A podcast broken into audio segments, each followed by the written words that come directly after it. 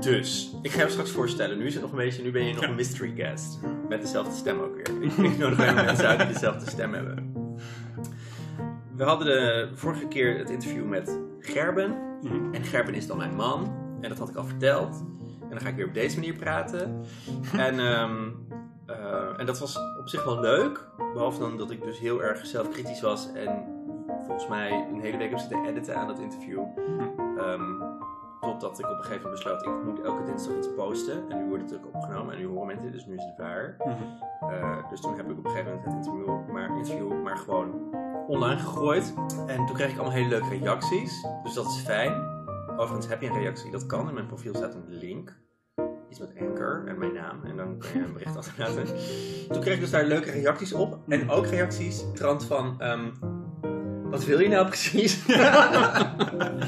en dat is een hele goede vraag, want daar heb ik het antwoord niet. Ja. Ehm, want volgens mij heb ik in de eerste aflevering ook al wel gezegd van... Ik ga gewoon onderzoeken wat HB precies is. En, eh, en dat weet ik niet echt, namelijk. Ehm, en ik, ga dat, ik ga dat eigenlijk op een manier doen zoals ik alles in mijn leven doe. Namelijk sparren met mensen. Ja. En dat is meteen ook wel de verklaring waarom ik dan spar met Gerben en nu met jou. Want dat zijn de mensen die ik meteen bel als er Ja. iets is en waarmee ik ga sparren. Ja. Maar, eh, dus die feedback was welke kant, wat wil hij nou precies? Nou, nou ja, goed, weet ik veel. Je weet wat hoogbegaafdheid is. En, eh, en eigenlijk dat, heb ik daar andere mensen voor nodig. Mhm. Ehm, en ehm, wat ik ook nog wel een goede vond, ik had eigenlijk besloten dat, ik, dat, het, dat dit dan een podcast is voor hoogbegaafde mensen of mensen die iets van afweten en Hmm. mensen die dan ehm, eh, eh, daar iets mee te maken hebben of zo. En dat die dus wel weten wat hoogbegaafdheid is en dat ik dus geen aflevering ga doen over de kenmerken van hoogbegaafdheid. Maar daar ben ik snel op teruggekomen, want iemand zei tegen mij, shout-out naar Mirjam, die ik ook nog interviewde, die zei, het is leuk, Maar heb je het er rotsem over? maar, eh, maar je moet je luisteraars echt kaders mee, meegeven. Want, want nu wordt het een beetje psychologie van de koude grond. Ja. En wel boeiend, want een leuk gesprek tussen mensen. Ja. Maar eh, wat gaan we daarmee doen? Dus ik had bedacht dat ik dan ehm, eh, nu een interview ga doen met jou. Het is nog Mhm. steeds niet bekend hier. Dat is spannend. hè? Ja, zullen dat gewoon, ook? zullen we mij gewoon helemaal niet voorstellen? je niet gaan noemen. Ja, dat we een het einde. maken. En dan, wie is deze mysterieuze luisteraar? Ja. Ik heb dan dus, eh, volgens, mij, volgens mij wordt het ongeveer dat we nu ehm, gaan praten over eh, de kenmerken van hoogbegaafdheid. Maar dat doen we dan heel erg soort in een gesprek. Zodat het heel natuurlijk is. Mhm. En dan ga ik dingen zeggen als, ik herken dit in jou. En wat vind je daar zelf van? En dat jij dan daar ook slimme dingen over zegt. Of niet zo slimme dingen, want Ja, ik wil niet de lat hoog leggen. druk. Ja, nee, precies. ja, precies. Maar gewoon domme dingen zeggen. En jij bent dan Kenny. Ja. En dan mag je zelf even vertellen wat een Kenny is. Ja, dat vind ik altijd een moeilijke vraag. Wat kies je dan uit? Wat kies je dan om uit te lichten? Eh, ik ben Kenny. Ik ben, Hij is verder niet hoogbegaafd, maar hij vindt het voorstellen. Weet je, hoogbegaafden vinden makkelijke dingen moeilijk en moeilijke dingen makkelijk. Kenny, stel je even voor. Ja, maar het is nog niet weten wat- waar- welke dingen eh, ga je uit, eh, welke dingen ga je uitleggen? Waar, waar kies je voor? Heb ik het over mijn hobby's? Heb ik het over mijn planten? Heb ik het over mijn vrienden? Of over, mensen van baan? Mhm. Maar ehm, oké, Kenny, broertje van Sven. Ja, we gaan gewoon eh, alle, mijn sociale netwerk meteen af. Ja, dat is wel fijn. Eh, en ik heb nog een broertje, en jij ook. Ja. En dat is Jordi. Die delen we inderdaad. Shout-out Dat naar Jordi. vaker te gebeuren. Ja. Ehm, en ik ben een campagnemaker bij een dierenwelzijnsorganisatie. Oh, Eh, nu weet niemand welke. Mysterieus, hè? ja. Nee, we moeten een mysterie wel leven houden, anders wordt het saai. Ehm, en waar zou ik er meer over hebben? Ik heb eh, algemene sociale wetenschappen gestudeerd. En Ja. beleidswetenschappen ja. in eh, Utrecht. En eh, dat is denk ik wel gewoon een beetje zo'n soort eh, standaard samenvatting van mijn leven. Oké. Standaard samenvatting van je leven. Ja. Ik, nou, goed, laten we het over al die andere dingen niet hebben. Ehm, nou, leuk dat je hier bent. Ehm, ja, en nu moet ik een natuurlijk bruggetje beginnen naar een soort opening van het gesprek. Maar misschien kan ik ook wel gewoon zeggen... ehm, Kenny, wat weet jij van hoogbegaafdheid? Wat is jouw beeld van hoogbegaafdheid? Ehm, nou, dat het eh, niet zozeer voor mij, eh, voor mijn gevoel heeft het niet zozeer heel erg te maken met, een, met per se een hoge intelligentie in de zin van ik kan een raket bouwen en ik ga nu kanker genezen, maar meer een soort van Tegelijk. Je hebt een, ja, tegelijkertijd. Eh, maar meer een soort van andere bedrading van je hoofd. Mhm. Waardoor je op een unieke manier de, de, de wereld benadert en problemen oplost. Eh, dus het zit gewoon voor mij gevoel op een, op, een, op een andere manier van denken. Mhm. Een andere manier waarop je hoofd eh, gestructure- eh. Ehm, en ook wel een soort snelle manier van, van denken. Volgens mij is het heel erg typisch dat je een soort conceptueel denkt, beeld denkt. Ehm, dat een beetje. Oké. Maar ik heb het niet zo'n heel helder, eh, duidelijk eh, gestructureerd beeld. Nee. Eigenlijk. Nee, en dat gaan we misschien ook nog wel zien, of niet, want het is allemaal heel ongestructureerd. En zoals ik al gaf, aangaf, ik heb geen plan. En eh, dat moet ik altijd benadrukken om een of andere reden. Ehm, Ja, wacht, waarom, waarom is dat? Heb, heb, heb je dan... Want ik verzet me tegen plannen! ik wil geen plannen! Ja, maar volgens mij heb jij ook gewoon heel erg de neiging om dit soort dingen dan gewoon niet voor te bereiden en er gewoon heel erg eh, los in te gaan. Ook zodat je dan jezelf niet teleurstelt of zo. Ah, Want je houdt je. Ja. maar dan heb je de verwachtingen lekker laag en dan kun je tuurlijk. jezelf niet teleurstellen. Ja, wat je niet voorbereidt kan niet verkeerd gaan. Ja, herkenbaar. Ja, Ja. herkenbaar. Ja. Daar hadden we stiekem net al een beetje gesprek over, ja. Ja, dus het is heel moeilijk om structuur aan te brengen in dingen als je alles tegelijk denkt of zo. Ja. En niet goed weet wat je wil. En als je denkt dat je dom bent. Dat is ook, want dan, dan staat je idee op papier. En denk je, oh wat een achterlijk idee ook Ja, weer. precies. Ja, Zoiets. precies. Dan word je heel geconfronteerd met ook... Maar ook omdat als ik dan bijvoorbeeld plannen wil maken... of ik ga dingen structureren... of ik denk een keer... nou, laat ik mijn wollige brei en mijn hoofd eens een keer helder opschrijven...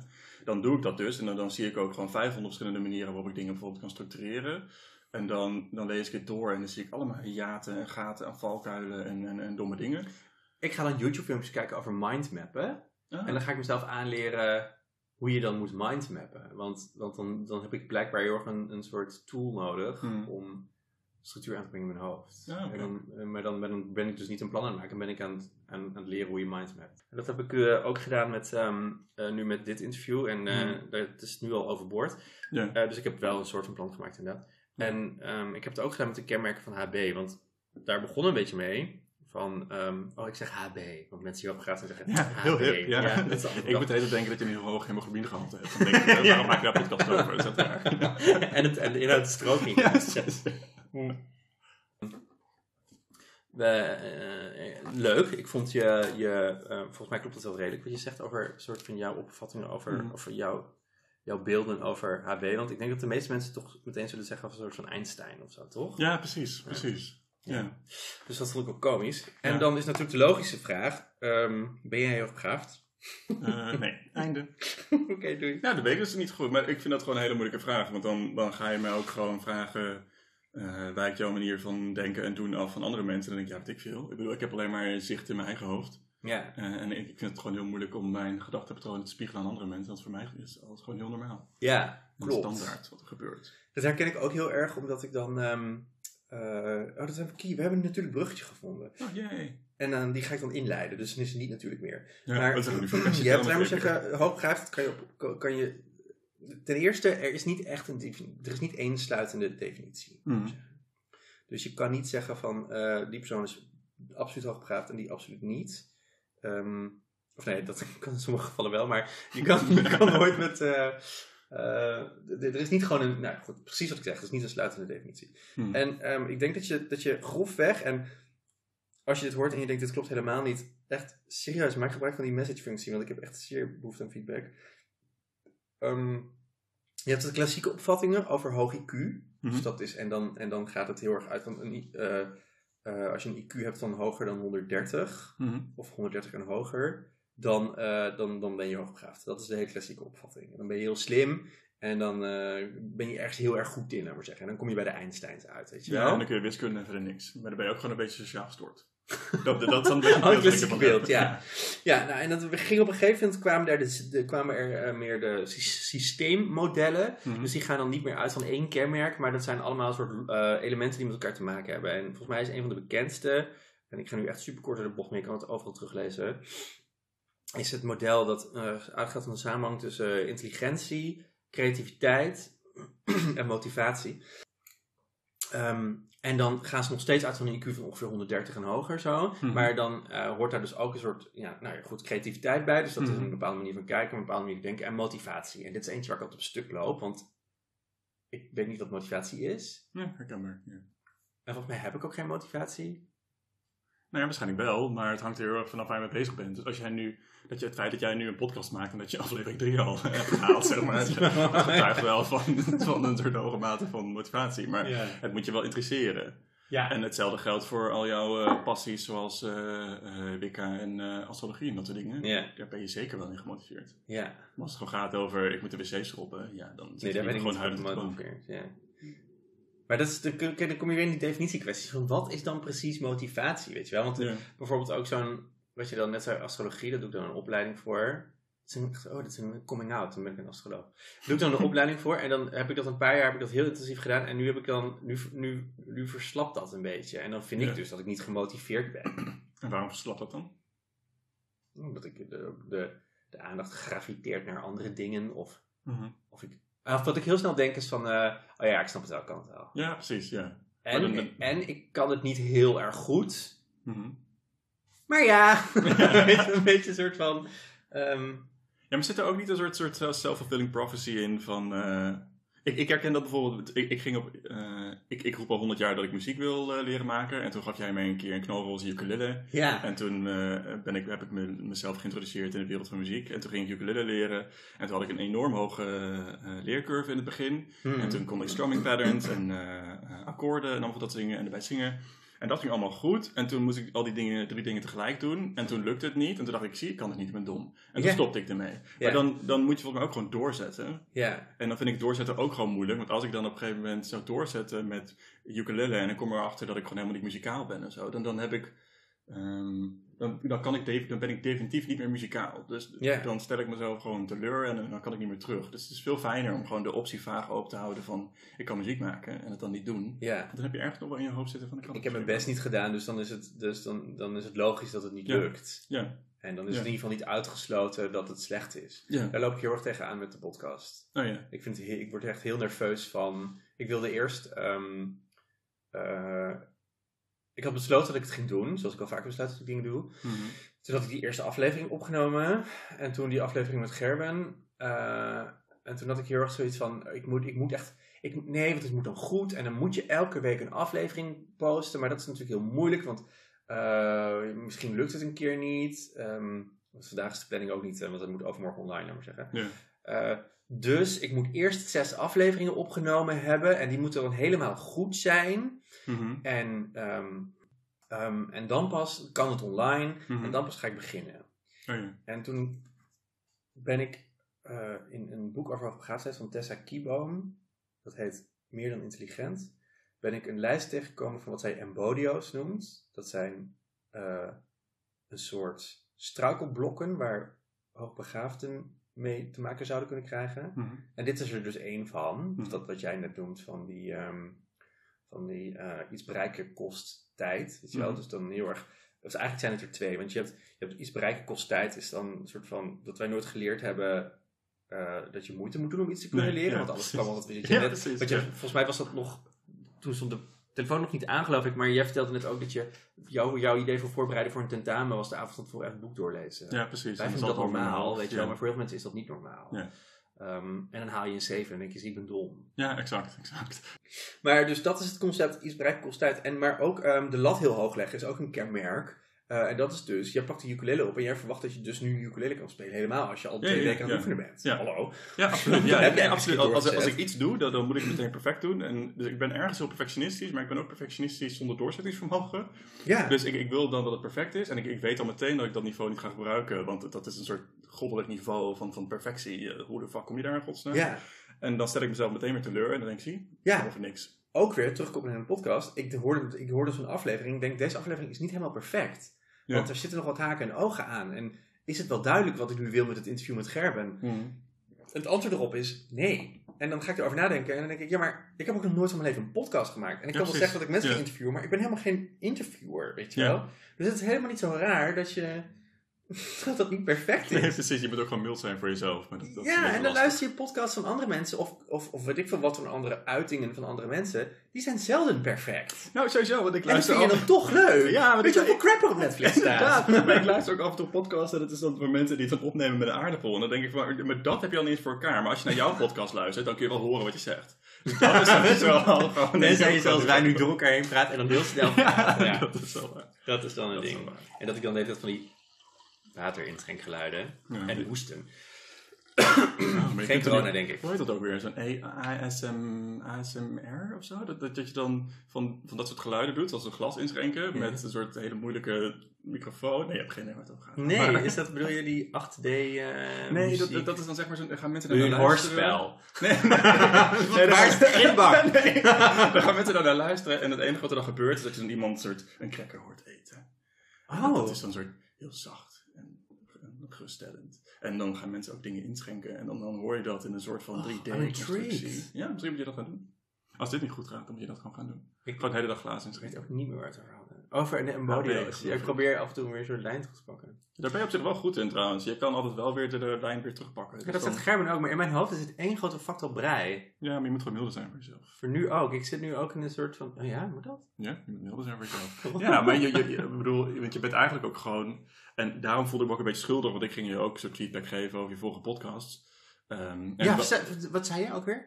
Eh, wat zei ik ook alweer? Ik zat ook wel een beetje tussen stoeien met mezelf hoor. Maar ik, ik vond de, de podcast soms een beetje lastig, omdat ehm, ehm, je, je hebt soms een beetje de neiging, dat vooral in, de, in het begin, als, als je een beetje stoeit met structuur en dat soort dingen, dan, dan kan je een tikkie zuur worden. Ja. En vooral met Gappie. vooral met kun je dan een tikkie zuur worden.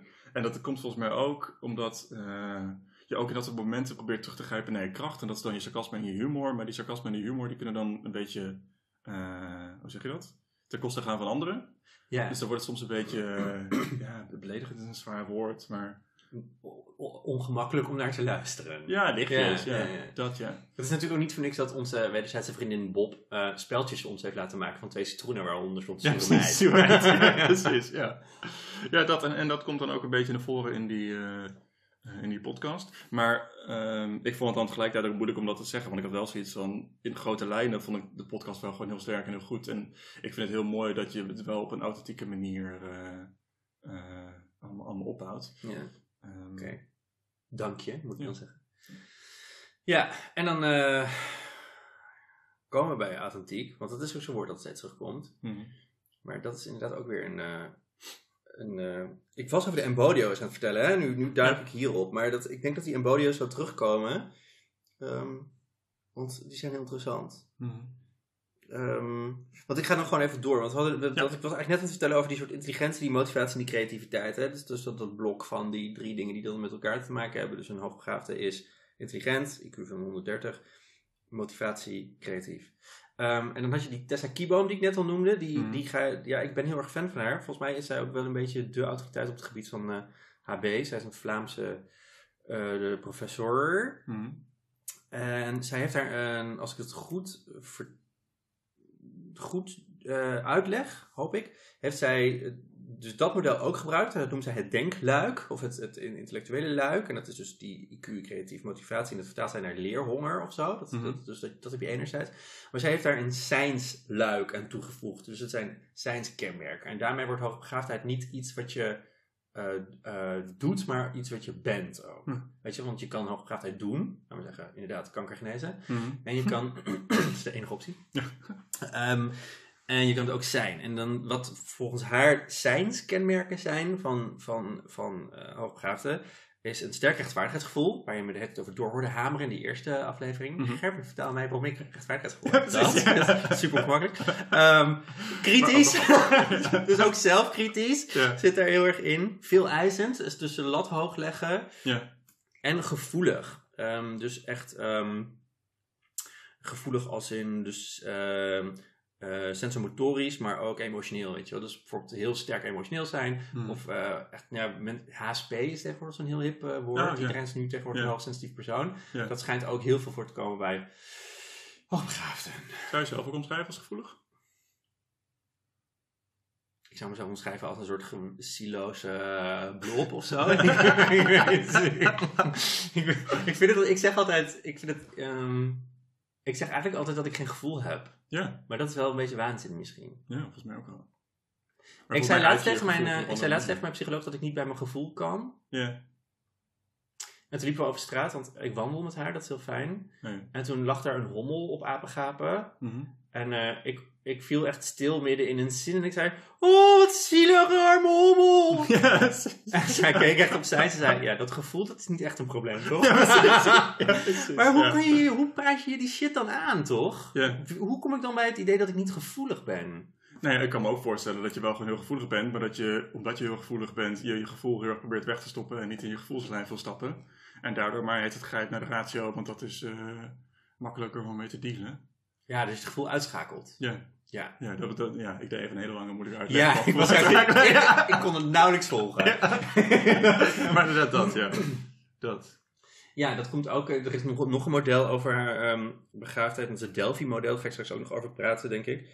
Ehm, dat is namelijk echt super interessant. En daar staat dit ook in. in Ja. gelu- eh, eh, gevoel uitschakelen, inderdaad. Ja.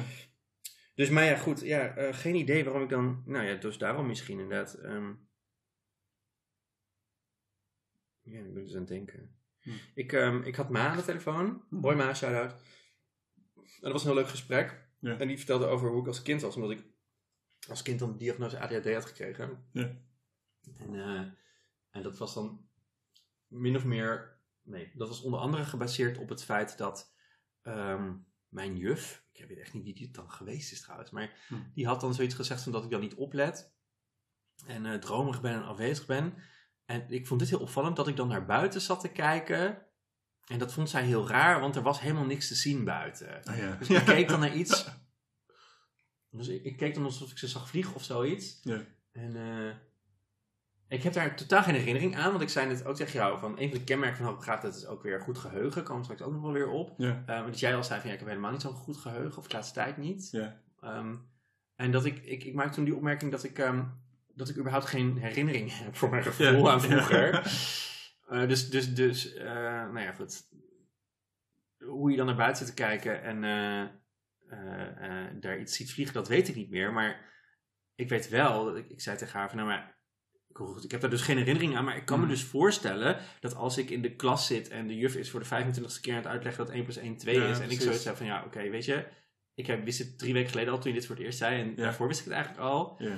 Ehm, dan ga je ten eerste afhaken, want ben daar dan net, weet je wel. Dan ga je om je heen kijken. En dan kijk je naar buiten en dan ga je of heel erg achter de dingen in je hoofd aan, want die zijn heel vaak heel interessant. Ja. Ik haak echt heel erg vaak af in gesprekken, omdat er in mijn hoofd, en dit is echt, ik weet dat het heel arrogant klinkt, maar vaak gebeurt er in mijn hoofd iets wat gewoon echt interessanter is. Ja, dat is echt. Ja. En ik- heel soms zeg ik dat ook tegen mensen, dat is heel gemeen. Ja. Maar, ehm, dus ja, dat kan dus ook wel een soort ADHD-kenmerk Ja. zijn. Ik Maar het is wel ook heel, heel, heel herkenbaar. Ik, ik ken, herken, herken dat ook wel in mezelf, dat je dan gewoon heel snel afgeleid bent en gewoon onderprikkeld of zo. Ja, Dus ik heb dat ook als ik bijvoorbeeld eh, tv kijk, dan moet ik ook eigenlijk altijd drie dingen tegelijk doen. ja, Dan is het te weinig. En als ik bijvoorbeeld Netflix aanzet, dan zet ik dat meestal op anderhalve snelheid. Want ja. als, als het gewoon, anders gaat het gewoon te langzaam. En dan, dan raak ik gewoon onderprikkeld en dan ga ik met andere, andere dingen bezig. En dan, ik kan ook niet per se heel goed multitasken of zo. Hè? Dus dan raak je Nee. wel weer afgeleid en dan eh, ben je alles weer kwijt. Dit is natuurlijk wel grappig, want jij vertelde dit laatst inderdaad. Toen hadden we ook gesprek over opgegraven. Toen had ik volgens mij net die diagnose, Mhm. eh, om het even zo te noemen. Ehm, en toen, toen vertelde je dat je dat deed. Ik doe dit dan niet met Netflix, maar ik doe dit wel met YouTube instructiefilmpjes of zo, die iets lang Oh, ja. duren. Of, of een soort van, niet instructiefilmpjes, maar filmpjes die dan gaan over, ehm, weet ik veel, eh, Noorse mythologie of zoiets. Wat Ja. ik dan heel interessant vind. Ja. En dan gaat iemand daar een verhaal over vertellen. En die persoon is heel interessant, maar die doet het dan in, in, in filmpjes die dan 45 minuten duren. En hij Ja. praat vrij langzaam. En dan zet ik dat meestal op 2,5 keer snelheid Ja. of zoiets. Ja. Om eh, aangehaakt te blijven. Want dan heb ik meer hersencapaciteit nodig om te luisteren of zoiets. En dan, Ja. dan vaar ik niet af. Ja. Dus, dat is, dus dat zou inderdaad een van die dingen kunnen zijn gebeurd. Dat je dan naar buiten zit te kijken op school. Ehm, en gewoon de gedachten in je hoofd volgt. Maar het kan ook, want volgens mij kwamen we er daarom op, hoogsensitiviteit zijn. Eh, want eh, hoogsensitief betekent ook dat, wat zei ik al, hè, prikkels komen anders binnen. Of een soort van, en wat een van de omschrijvingen die ik dan lees, is dat in de, in de totaliteit van het, van het zijn binnenkomen of zo. Een soort van, Mhm. een soort heel erg eh, gelaagd. En nee, dat, kan, dat is een beetje raar om over jezelf te zeggen, want je kan het, wat jij al zei, niet vergelijken. Nee. Ja.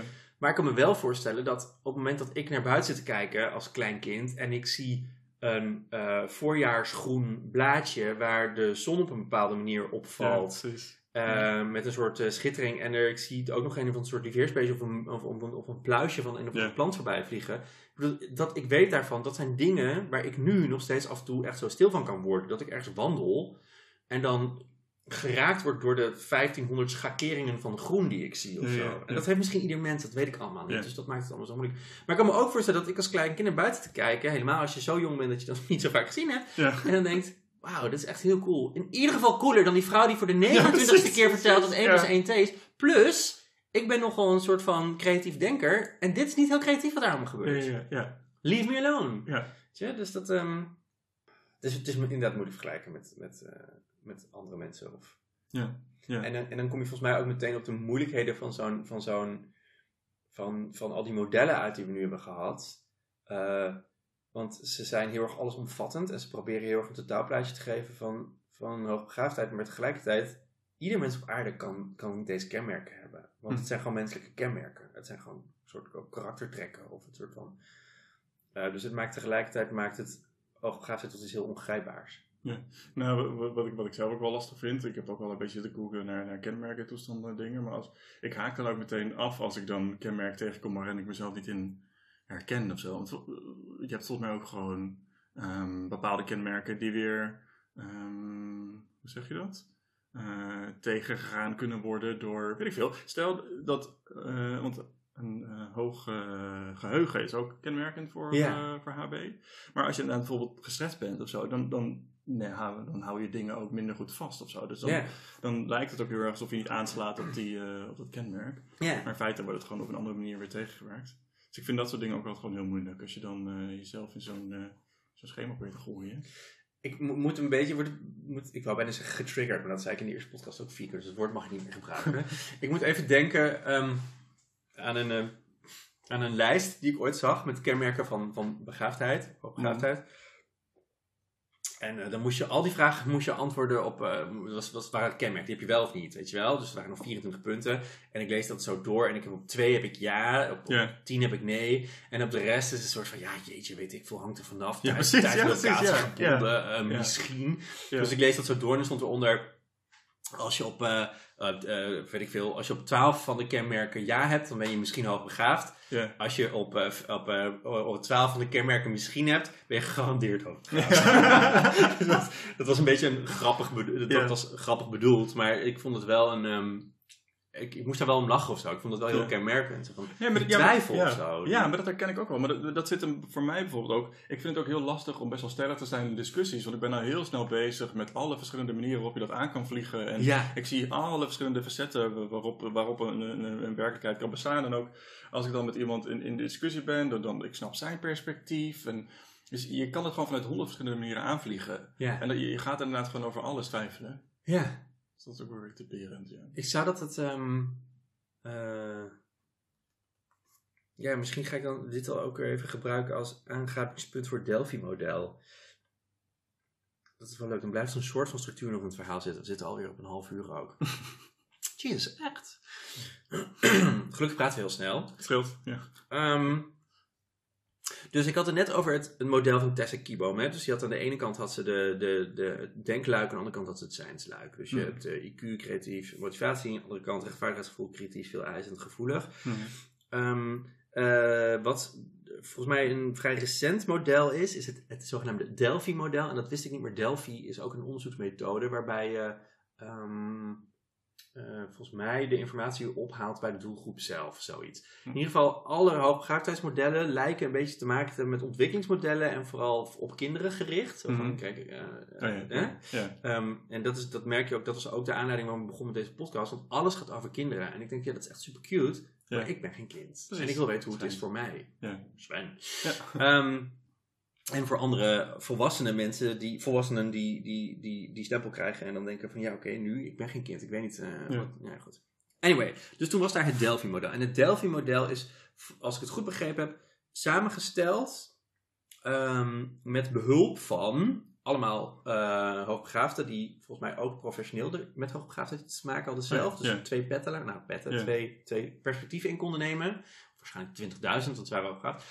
Ehm, eh, En die toen dus- kwam er totaal onsamenhangend verhaal uit. Ja. 5000 miljoen kinderen. ja, precies. En een dans. ja, nou, dat hebben ze geprobeerd samen te vatten, dat is niet gelukt. Toen hebben ze dat- nee, ehm, dus het, het is een soort, ehm, inderdaad, een, eh, eh, ja, een soort model uitgekomen wat dan Ja. heel erg beschrijft hoe de hoogbegaafden het zelf zien. Ja. En het interessante daaraan is, en ik ben intussen heel zachtjes een boek aan het openen, want ik had hier wel een soort bullet journal aantekening van gemaakt. Maar ja, ik kan mijn eigen, ik kan handschrift niet lezen. Ehm, je hebt grofweg, eh, het is een heel onduidelijk plaatje. Zie je dat? Dit? Zie je Ja, het samen plaatje? kleurtjes. Sorry. Ehm, en ik zag dit plaatje en ik snapte dat niet meteen. En toen dacht ik, zie, ik ben niet hoogbegaafd. Ja, herkenbaar. Ja.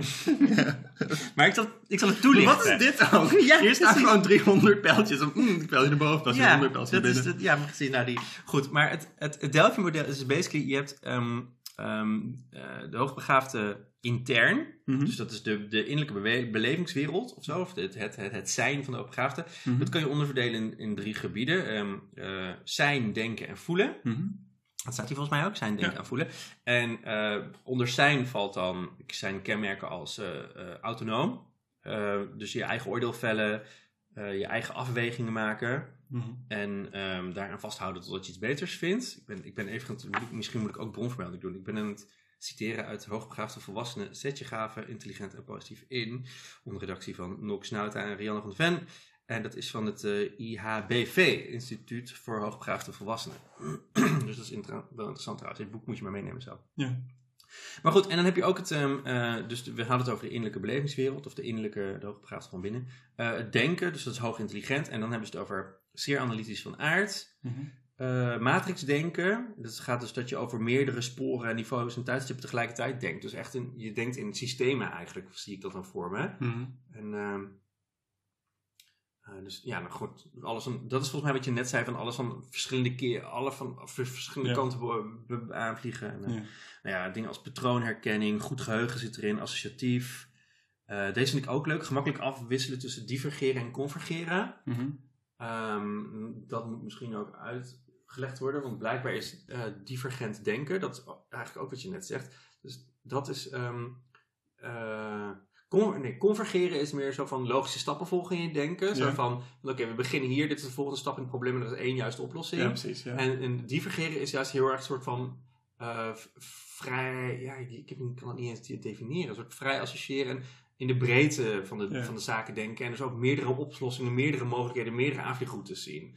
ja, Ehm, precies. Dus ja. dat is bijvoorbeeld ook het brainstormen, is dus een vorm van divergent denken. Ja. Eh, en waar het brainstormen heel vaak misgaan, is dat mensen al tijdens een brainstorming sessie zeggen van nee, maar dit is, dit is slecht, dit werkt niet. Ja. En dat is convergent. Oh, dat vind ik ook vreselijk. Ik herken dat soms in, de, in discussies op werk. Dat je dan in een, eh, in een soort discussie bent dat je wil ergens tot komen of weet ik veel wat. En er worden al heel snel bepaalde afslagen gemaakt. Dat ik denk, ja, maar we, we gaan nu, we gaan nu voortbeduren op een aanname en misschien klopt die wel helemaal niet. Ja. En dan ben je mij al gewoon helemaal kwijt. En je merkt dat sommige mensen die, die proberen heel erg te sturen naar, naar, naar één werkelijkheid. Die proberen alles heel erg te gieten in een soort dat is convergeren. hel- helder, heldere Ik zie je letterlijk even, jij bent een gebaar aan het maken met je handen, een soort naar één punt toe, een soort pijlvorm mee Ja, maken. Dat is converge- convergent denken.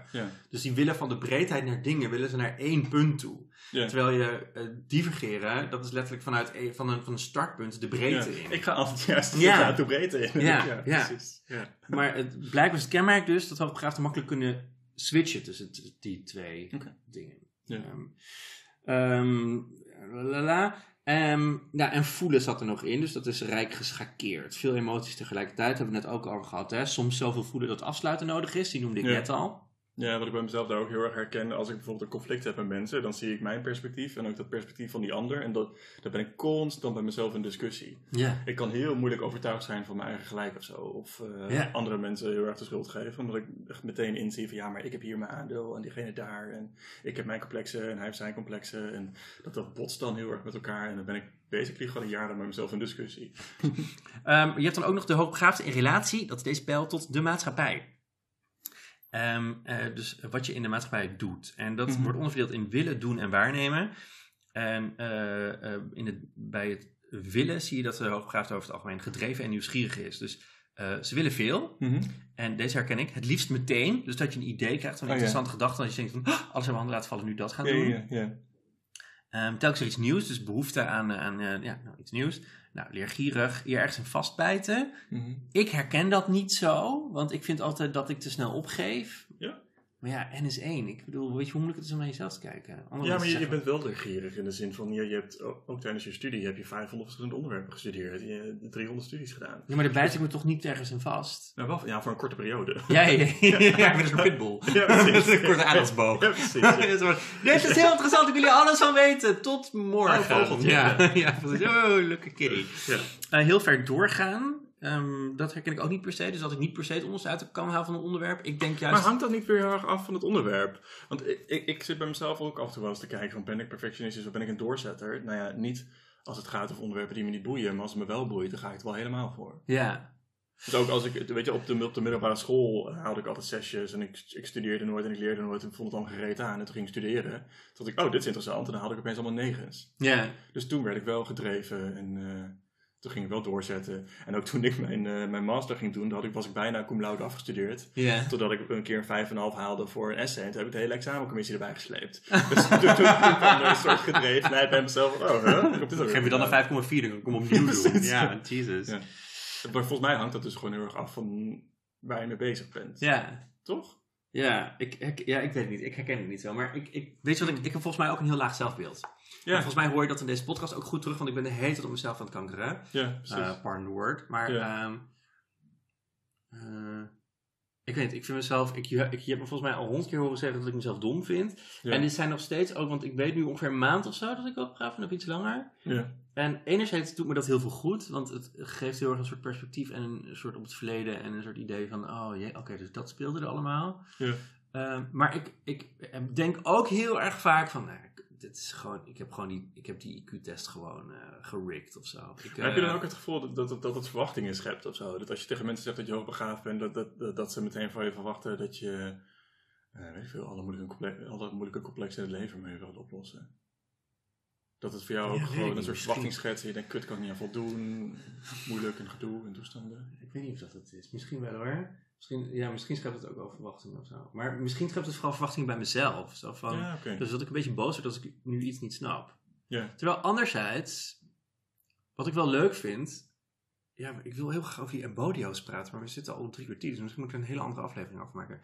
Ehm, wat ik dan wel weer interessant vind, is dat ik het weten wat de valkuilen zijn van hoogbegaafdheid, laat maar zeggen, geeft mij ook heel erg handen en voeten om iets met mijn leven te gaan doen. Dus ik ben nu bijvoorbeeld een, eh, ik wil al jaren schrijven. Hè? Ik heb Mm. voor jullie, voor jullie eh, Ja, GP heb een verhaal ja. geschreven en Ja. maar ik maak er steeds niks van, want dat heeft ook iets te maken met perfectionisme. Wat ik schrijf is nooit goed genoeg. Ja.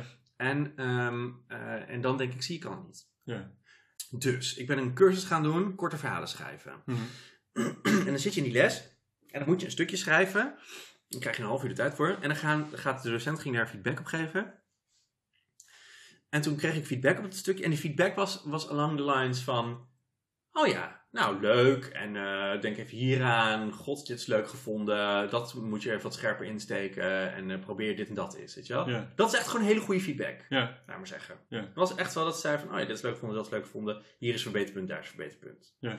En ik, mijn, ik, mijn eerste reactie was echt een soort van... Een soort depressie. Ja. Zo van... Van, huh? Waarom is dit niet het beste wat ze ooit gelezen ja, heeft? precies dat. Weet ja. je wel? Ja.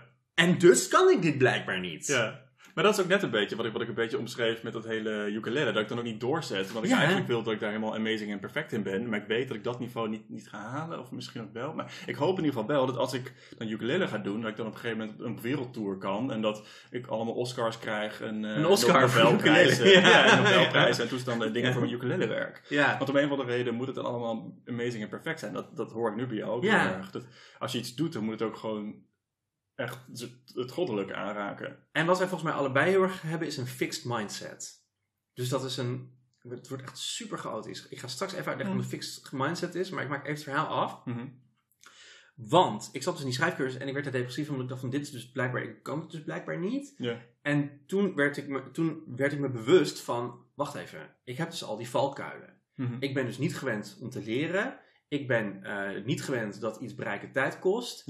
Ehm, ik heb ergens wel de, de tegenwoordigheid van geest gehad om te denken: ik moet een cursus voor schrijven. Ja. En je gaat mij toch niet. Het is, kan toch niet zo zijn dat ik net 400 heb u- euro heb uitgegeven aan een cursus. alleen maar om iemand mij te laten vertellen dat ik perfect ben. Dat, dat is toch ja. mijn motivatie geweest? Ik Ja. wil hier blijkbaar van leren. En dat heeft mij toen echt wel geholpen om te denken: van... Oh, wacht even. Ik, ik ben aan het leren. Ja, Ja. iets. En toen ben ik een stukje gaan herschrijven met haar feedback. En toen was dat meteen heel goed. Dus ik dacht van, Ja. zie, je moet ook niet zo zeiken. Je moet het gewoon gaan doen. Ja, ja.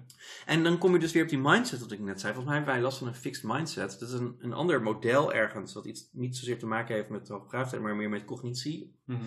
Je kan een fixed mindset hebben of een growth mindset. En het zegt het eigenlijk al. De fixed mindset is een soort van... Ik, heb, ik ben zo intelligent en ik heb deze vaardigheden. En daarbinnen moet ik, het, moet ik alles moet, moet ik doen. Mhm. Dus alles wat ik kan, kan ik. En alles wat ik niet kan, kan ik niet. Ja. Eh daartegenover staat een growth mindset. En die is heel erg een soort van... Ik heb bepaalde talenten en aangeboren dingen. En die kan ik ontwikkelen. En wat ik niet kan, kan ik leren. Ja. Dat tweede maakt je veel gelukkiger. Ja, Want ja. dat is een, en maakt je gewoon, eh, eh, creëert dus ruimte om daadwerkelijk te groeien en beter te worden. Ja. En volgens mij hebben dus heel veel hoogbegaafden een fixed mindset waarmee ze denken van, omdat je dus nooit hebt leren leren, omdat je nooit die tegenslag hebt gehad, omdat Oh, je zo. nooit, Ja. dus dat je denkt van, oh ik kan het wel of ik kan het niet. ja, want als kind ging alles heel erg goed af. Dus je hebt eigenlijk gewoon meteen toen ook een beetje de, de- het, het, eh, het schema aangeleerd van... hè, ik hoef ergens minimal effort in te steken en dan gaat het amazing. Exact. En dan later is dat niet meer zo en dan denk je, Nee. wat fuck gebeurt hier? Ja, precies. Ja. Dat is een soort niet, eh, nooit hebben leren leren is echt Ja. wel een kenmerk inderdaad. Ja. En dan, eh, want we waren nog, eh, volgens mij wordt het een beetje warrig allemaal, maar we gaan nog steeds. Want het- we kwamen weer op over het vastbijten en dat was de, de in relatie tot de maatschappij. Mhm. En dat was het willen deel. Want ehm, er zit nog een doen stuk in. De hoogbegaafden zijn blijkbaar scheppingsgericht. Mhm. eh, bezig met iets. Eh, iets maken, iets creëren. Met, met, met, een, met een spel of een idee of een product of een puzzel of een schilderij of een muziekstuk. Mhm. Herken jij dat? Ben jij vaak bezig met iets? Met scheppingsgericht altijd en met veel plezier bezig zijn met het maken van iets? Nee, ik was, vroeger was ik... eh, Achtbanenbouwer. achtbanenbouwer. Ik was heel veel aan het, aan het knutselen en zo. En dan vaak knikkerbanen. Oh ja, Dus oh, altijd- daarom wil je tijd weten waar mijn knikkerbaan blijft. Ja, precies. Ja. ik was altijd knikkerbanen aan het maken. En eh, eh, toen ik later groot en sterk werd, toen ging ik altijd pretparken maken. Dus ik was echt helemaal verslaafd aan eh Rollercoaster Tycoon. En ik heb er honderden uren letterlijk daar gewoon ingestoken en YouTube filmpjes van gemaakt. En de wereld laten zien. Kijk, het is Oh leuk. echt? Ben jij gaan eh, broadcasten? Ja, joh. Ja. Je was de Twitch van uh, Twitch, is dat toch het platform? Ik, Ik zeg maar niks. Nee. Nee, YouTube. Ja, Ik heb oké. geen YouTube. Nou, Nee, maar dat, dat, eh, eh, wel wel dus. Daar deed ik het wel altijd. Daar heb ik eh, altijd dat soort dingen gemaakt en gecreëerd. En daar ging ik ook gewoon hele urenlang in door. Dus ik weet ook toen ik studeerde, dan ging ik bijvoorbeeld, weet ik veel, ging om acht uur s'avonds ging ik daarmee bezig. En op een gegeven moment dacht ik, hé, het wordt licht. Ja, het vier uur s'nachts. ja. Of 's ochtends. Dat is, oh, dat is grappig, want dan zit je dus in de flow. Ja. En eh, daar, eh, die, die, die viel onder het stukje eh, willen, gedreven en nieuwsgierig, gemakkelijk in een flow. Oh ja. En ik ben nog nooit in de flow geweest, volgens mij. Nee? Ook niet als je schrijft? Nee. Nee? Ook niet toen je dat, eh, dat eh, GP-boek voor, eh voor Robert Meijs Nee, toen zat ik juist heel erg tegen een deadline aan te hikken. Ik Oh, dacht van, oh, dat, dat feest is dan, dus ik moet het dan af hebben. En als je koopt of zoiets? Ik zit gewoon Nee, ja, ik, zit, ik wil ook heel graag in een flow zijn, maar volgens mij ben ik dat nog nooit geweest. Nee? Maar dat zeg ik, door dat slechte zelfbeeld, ik, Ja. ik, ik haal mezelf zo ver naar beneden. Hè? Of ik heb Ja. zulke hoge verwachtingen van mezelf. Ja, precies. Dus ik kan me dus heel goed voorstellen dat je wel heel vaak in de flow komt, maar dat je het gewoon niet herkent. Ja. En dat het voor jou ook gewoon natuurlijk natuurlijk Ik kan alleen in de flow komen als ik een heel stom computerspelletje aan het doen ben. Maar Oh, dat is niet een hele productieve flow natuurlijk. Ja. Hoewel, ja, ik ben dan... Maar als je dan vroeger, wat ik herken van mezelf, als ik bijvoorbeeld soms papers of eh, essays schreef zo tijdens mijn studie. eh, nou ja, soms ging het natuurlijk gewoon heel moeizaam. Maar als ik gewoon op een onderwerp zat waarvan ik dacht van, oh mijn god, ja, ik wil hier alles van weten. Dan kon ik gewoon echt uren achter elkaar kon ik daarin zitten. Ja. En op een gegeven moment eh waakte ik uit mijn schrijfgedoe. Toen dacht ik, hé, wat gebeurt er in deze wereld? Echt? Heb je toen ook niet gehad? Volgens mij niet. Hm. En dat zijn dus, dus wat, wat, grappig is wat er in mij gebeurt, is dat ik nu denk, zie, jij bent duidelijk hoogbegaafd, maar ik niet hoor. dat, dat is wat er in mij gebeurt, want ik kom nooit in de flow, geloof ik. Ja. Of zoiets. Ik weet helemaal niet wat flow is, dan ga ik daar weer over. Ja, maar dat is waarschijnlijk ook dat je dat in alles gaat. En dat herken ik ook wel. Dat je soms met de meest domme woorden op een gegeven moment gewoon een uur lang gaat zitten nadenken. van, Ja, maar wat betekent dat eigenlijk? Ja. Wat is een stoel? ja, wat is het? Oh, nu komen de... Oh, ja, oké. Over metacognitie gesproken en matrixdenken. Nu komen er dus kabbalistische systemen in. mijn- Kabbalah, weet je, Joodse Ah, mystiek. Die komen nu in mijn hoofd oppoppen die dan uitleggen van wat is een stoel. Dat daar gaan we niet eens op in. Dat is echt, mag echt, echt. Ja, Dit is een on the road. Nee, stop. Dit gaan we niet doen. Oké, ehm, ja. Damn it. Ik wil toch even in deze aflevering wel even het Delphi-model nog afmaken, want eh, het is wel interessant. Ehm, de hoogbegaafde relatie tot de maatschappij waren, we hadden willen en doen gehad. Hmm. En we komen erop waarnemen en dan kom je weer op die hoogsensitiviteit uit. Ja. En dat noemen ze hier een gradueel anders, ander neurologisch systeem. Ja, ja, ja, ja. Alles komt tegelijkertijd in volle nuance, heel precies met volle lading binnen. Ja, dus het is gewoon heel prikkelgevoelig. Je kan dus ook echt overprikkeld zijn. Ja, maar dat herken ik ook wel heel erg bij jou. Ik kan ontzettend overprikkeld Ja, zijn. het is ook Ja. heel grappig om jou te zien in groepen mensen. Want dan, dan kan je bijvoorbeeld heel hysterisch en eh, heel erg op, op het, eh, hoe zeg je dat? Op de voorgrond eh, treden. Ja? En heel hoog in, in je energie zitten. En op een gegeven moment put je jezelf uit. Oh ja. En dan, dan stort je helemaal in. En dan moet de hele wereld moet dan vervolgens stil zijn. En, zwijgen. Want zijn zo prikkeld. Oh, dit is waar Gerben altijd wel last van heeft. Ja. ja, dat herkende ik wel. Grappig zijn net ook zoiets. Je hebt, een, je hebt een aanstand of een uitstand. Ja. Dus je, hebt, je, je kan enorm aanstaan als je, als je bij mensen bent. ja. En dat is ook gewoon heel leuk. En dat is een hele goede eigenschap. En mensen vinden het ook heel leuk. Gerben vindt dat een irritante eigenschap. Ja, begrijp ik wel leuk klaar. Ja. Maar dan, eh, ehm, dan, dan sta je natuurlijk in die aantal. En op een gegeven moment, ja, ja, je overprikkelt gewoon jezelf. En dan, Ja, ik kan mezelf ook overprikkelen misschien wel. Ik kan ook echt wel overprikkeld zijn van de omgeving hoor. ja, oké. Dus, eh, Laatst op een verjaardag en dan eh, gebeurt er ook echt van alles met heel veel geluid en heel veel dingen. En dan moet ik echt weg. Ja. En, en dat, is, dat hebben natuurlijk meer mensen. Maar ik moet er vervolgens letterlijk de hele dag van bij komen. En vroeger vond ik mezelf dan een totale aansteller. Maar ik dacht, Ja. jezus, get Ja. over yourself. Ja. En tegenwoordig ehm, accepteer ik gewoon dat ik dan dus de rest van de dag op de bank moet liggen. En moet gamen ik of een boek moet lezen Ik heb het ook als ik gewoon op straat ga, dan doe ik meestal mijn koptelefoon op en heb ik mijn, mijn blik vaak naar beneden gekeerd. Of. Dan sluit ik me op die manier gewoon even af van de wereld. Want als ik over straat ga lopen zonder koptelefoon, dat doe ik nog wel eens, en ik kijk gewoon recht vooruit, dan heb ik gewoon een soort, soort milde paniek. Want dan denk ik, er gebeurt te veel. Er zijn te veel Ja. mensen, er zijn te veel geluiden, er zijn te veel geuren. Dus Ja. ik, ik sluit me altijd gewoon een beetje, een Dat beetje is, af. dat is echt, dat is, dat is hoogsensitief, ja. Er gebeurt gewoon te veel. Dus ik ben ook heel blij dat ik nu van Utrecht naar Nijmegen ga verhuizen. Ah, oké. Omdat het gewoon Nijmegen rustiger is. Ja. En we gaan een beetje meer buitenaf wonen. Ik woon nu best wel druk. Ja. Ik eh, liep er laatst liep ik ook door de stad. En toen, ondanks corona, was het relatief druk op straat. En dat betekent dat er waren tien mensen of zoiets, Ja. weet je wel. En ik word helemaal, ik, ik krijg dan echt een soort van soort stress daarvan. Ja. En niet omdat ik bang ben om corona op te lopen, want daar Ja. ben ik niet zo bang voor. Maar ehm, gewoon, ugh, mensen. Ja. Ik was zo blij met die hele lockdown eigenlijk, wat dat betreft. Ik denk van, oh, rust. Ik had ook echt tijdens die eerste lockdown, ging ik ook af en toe de straat op. En dat was echt een lockdown-lockdown. Dat mensen dachten van, nee, misschien gaan we wel dood, laten we binnen blijven Ja, toen was het nog een soort ebola. Ja, zombie, precies. zombie ebola Ja, was het. precies. Een soort van- En dan ging ik af en toe gewoon de straat op om dan zeg maar boodschappen te doen, want je moet toch eten. En dan, dan was er gewoon helemaal niemand. En toen merkte ik dus op dat ik gewoon he- om me heen ging kijken en ging genieten van de wereld. Dat ik dacht van, Ja. oh, het is echt heel fijn en rustig. Laat Ja. iedereen gewoon altijd lekker binnen blijven. Dat is echt ja. amazing. Er gaan echt leuke dingen opvallen ook. Ja, tof. Ja.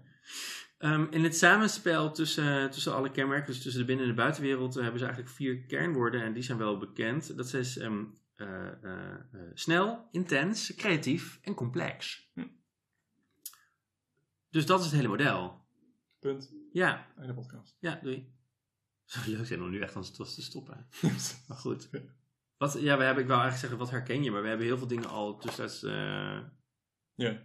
Ja, en wat, wat, wat in mijn hoofd, ik, ik vind het ergens ook moeilijk om dit soort schema's dan tot me te nemen. Ja. Ehm, maar ook omdat ik dan, dan, dan hoor ik bepaalde concepten en verbanden en dan, dan probeer ik dat te verwerken in mijn hoofd. Maar dan zie ik ook gewoon 500 andere verbanden en dan denk ik, ja, maar, maar klopt het wel en snap ik het wel? En Maar dit dingen. op zichzelf is dus al een kenmerk, hè? Ja. Want dit is dus die metacognitie en die soort divergent denken en eh, de matrix eh, Ah, denken en alles tegelijk, alle perspectieven. Ja. soort, ehm, Maar dat maakt deze podcast misschien niet heel nuttig in de zin van dat ik dat, ik dat dan niet kan horen en meteen in, in de verbanden kan reageren. Zo van, nee. ja, dat herken ik dan wel. Ja. Maar dit is het dus. Want volgens mij, en dit vind ik ook, en daarom ben ik toch wel blij met deze aflevering, omdat ik. toch wel blij. daarom ben ik blij met deze aflevering, omdat. Volgens mij schetst dit ook wel dat het heel erg moeilijk is om hoogbegaafdheid te herkennen, in ieder geval Ja. bij jezelf. Ja, Want tijdens ja. dit gesprek, ik hoor jou denken, en, of ik, ik zie jou denken en ik hoor jou reageren op dingen, ik hoor je dingen zeggen. En ik denk Mhm. van, nou ja, laat die IQ-test maar zitten, want je bent het overduidelijk. Terwijl je zelf alleen maar meer gaat twijfelen waarschijnlijk. Ja, precies. ja, precies. En gaat focussen op de dingen van, oh ja, maar ik heb dit niet zo. Exact, ja.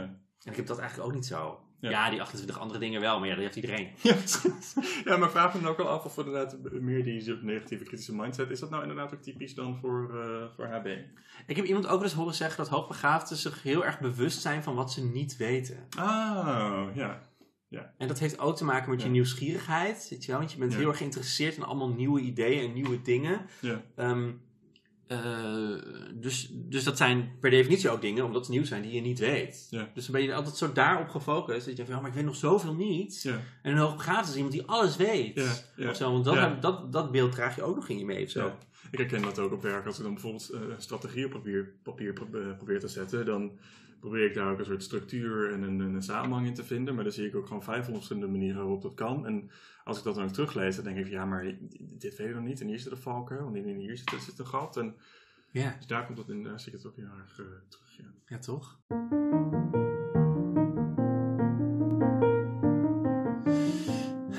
Heb je nieuwe inzichten in jezelf nu? Ja, maar ik heb ongeveer vijf dagen nodig om dat te verwerken. Doe het verwerken dus niet en ga spuien. Ehm, ja, dat vind ik dus wel lastig. Ja, snap ik. Ik weet niet zo goed waarom. Maar als jij mij ook zo'n vraag stelt, dan word ik ook gewoon meteen een beetje onzeker. Want dan denk ik ook gewoon meteen, ja, ik moet nu allemaal slimme dingen zeggen. Ja, dat ik herken ik. Dus daar zit ook een beetje die, eh, die, die, eh, zelfkritiek of zo, die zit daar dus ook in. Het is echt helemaal niet leuk om hoogbegaafd te zijn eigenlijk. Nee. Het is echt heel irritant. Nee, Want het, Misschien moet je gewoon stoppen. ja, nee, maar het loopt, heel, het loopt heel erg vast in, eh, in dit soort dingen de hele tijd. Je bent zoveel bezig met eh, of zelfkri- zelfkritisch te zijn, of Ja. stil aan te staan bij wat je allemaal niet kan, wat je niet weet, of heel erg... ehm, Ja, en wat ik nu dus ook heel erg heb. Dus ik heb net heel veel informatie eh, tot me genomen. En dat zit ook een beetje in een soort. Alsof het nu een beetje in, in, in, in het Duits is opgeslagen in mijn hoofd of zo. Dus, maar, het zit er wel, maar ik kan het niet heel helder structureren nog.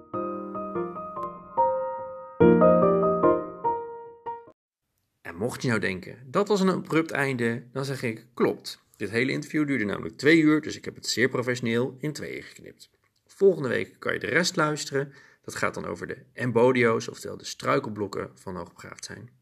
En voor nu zou ik dan nog willen zeggen, dit was de metafysische podcast van Sven. Aju.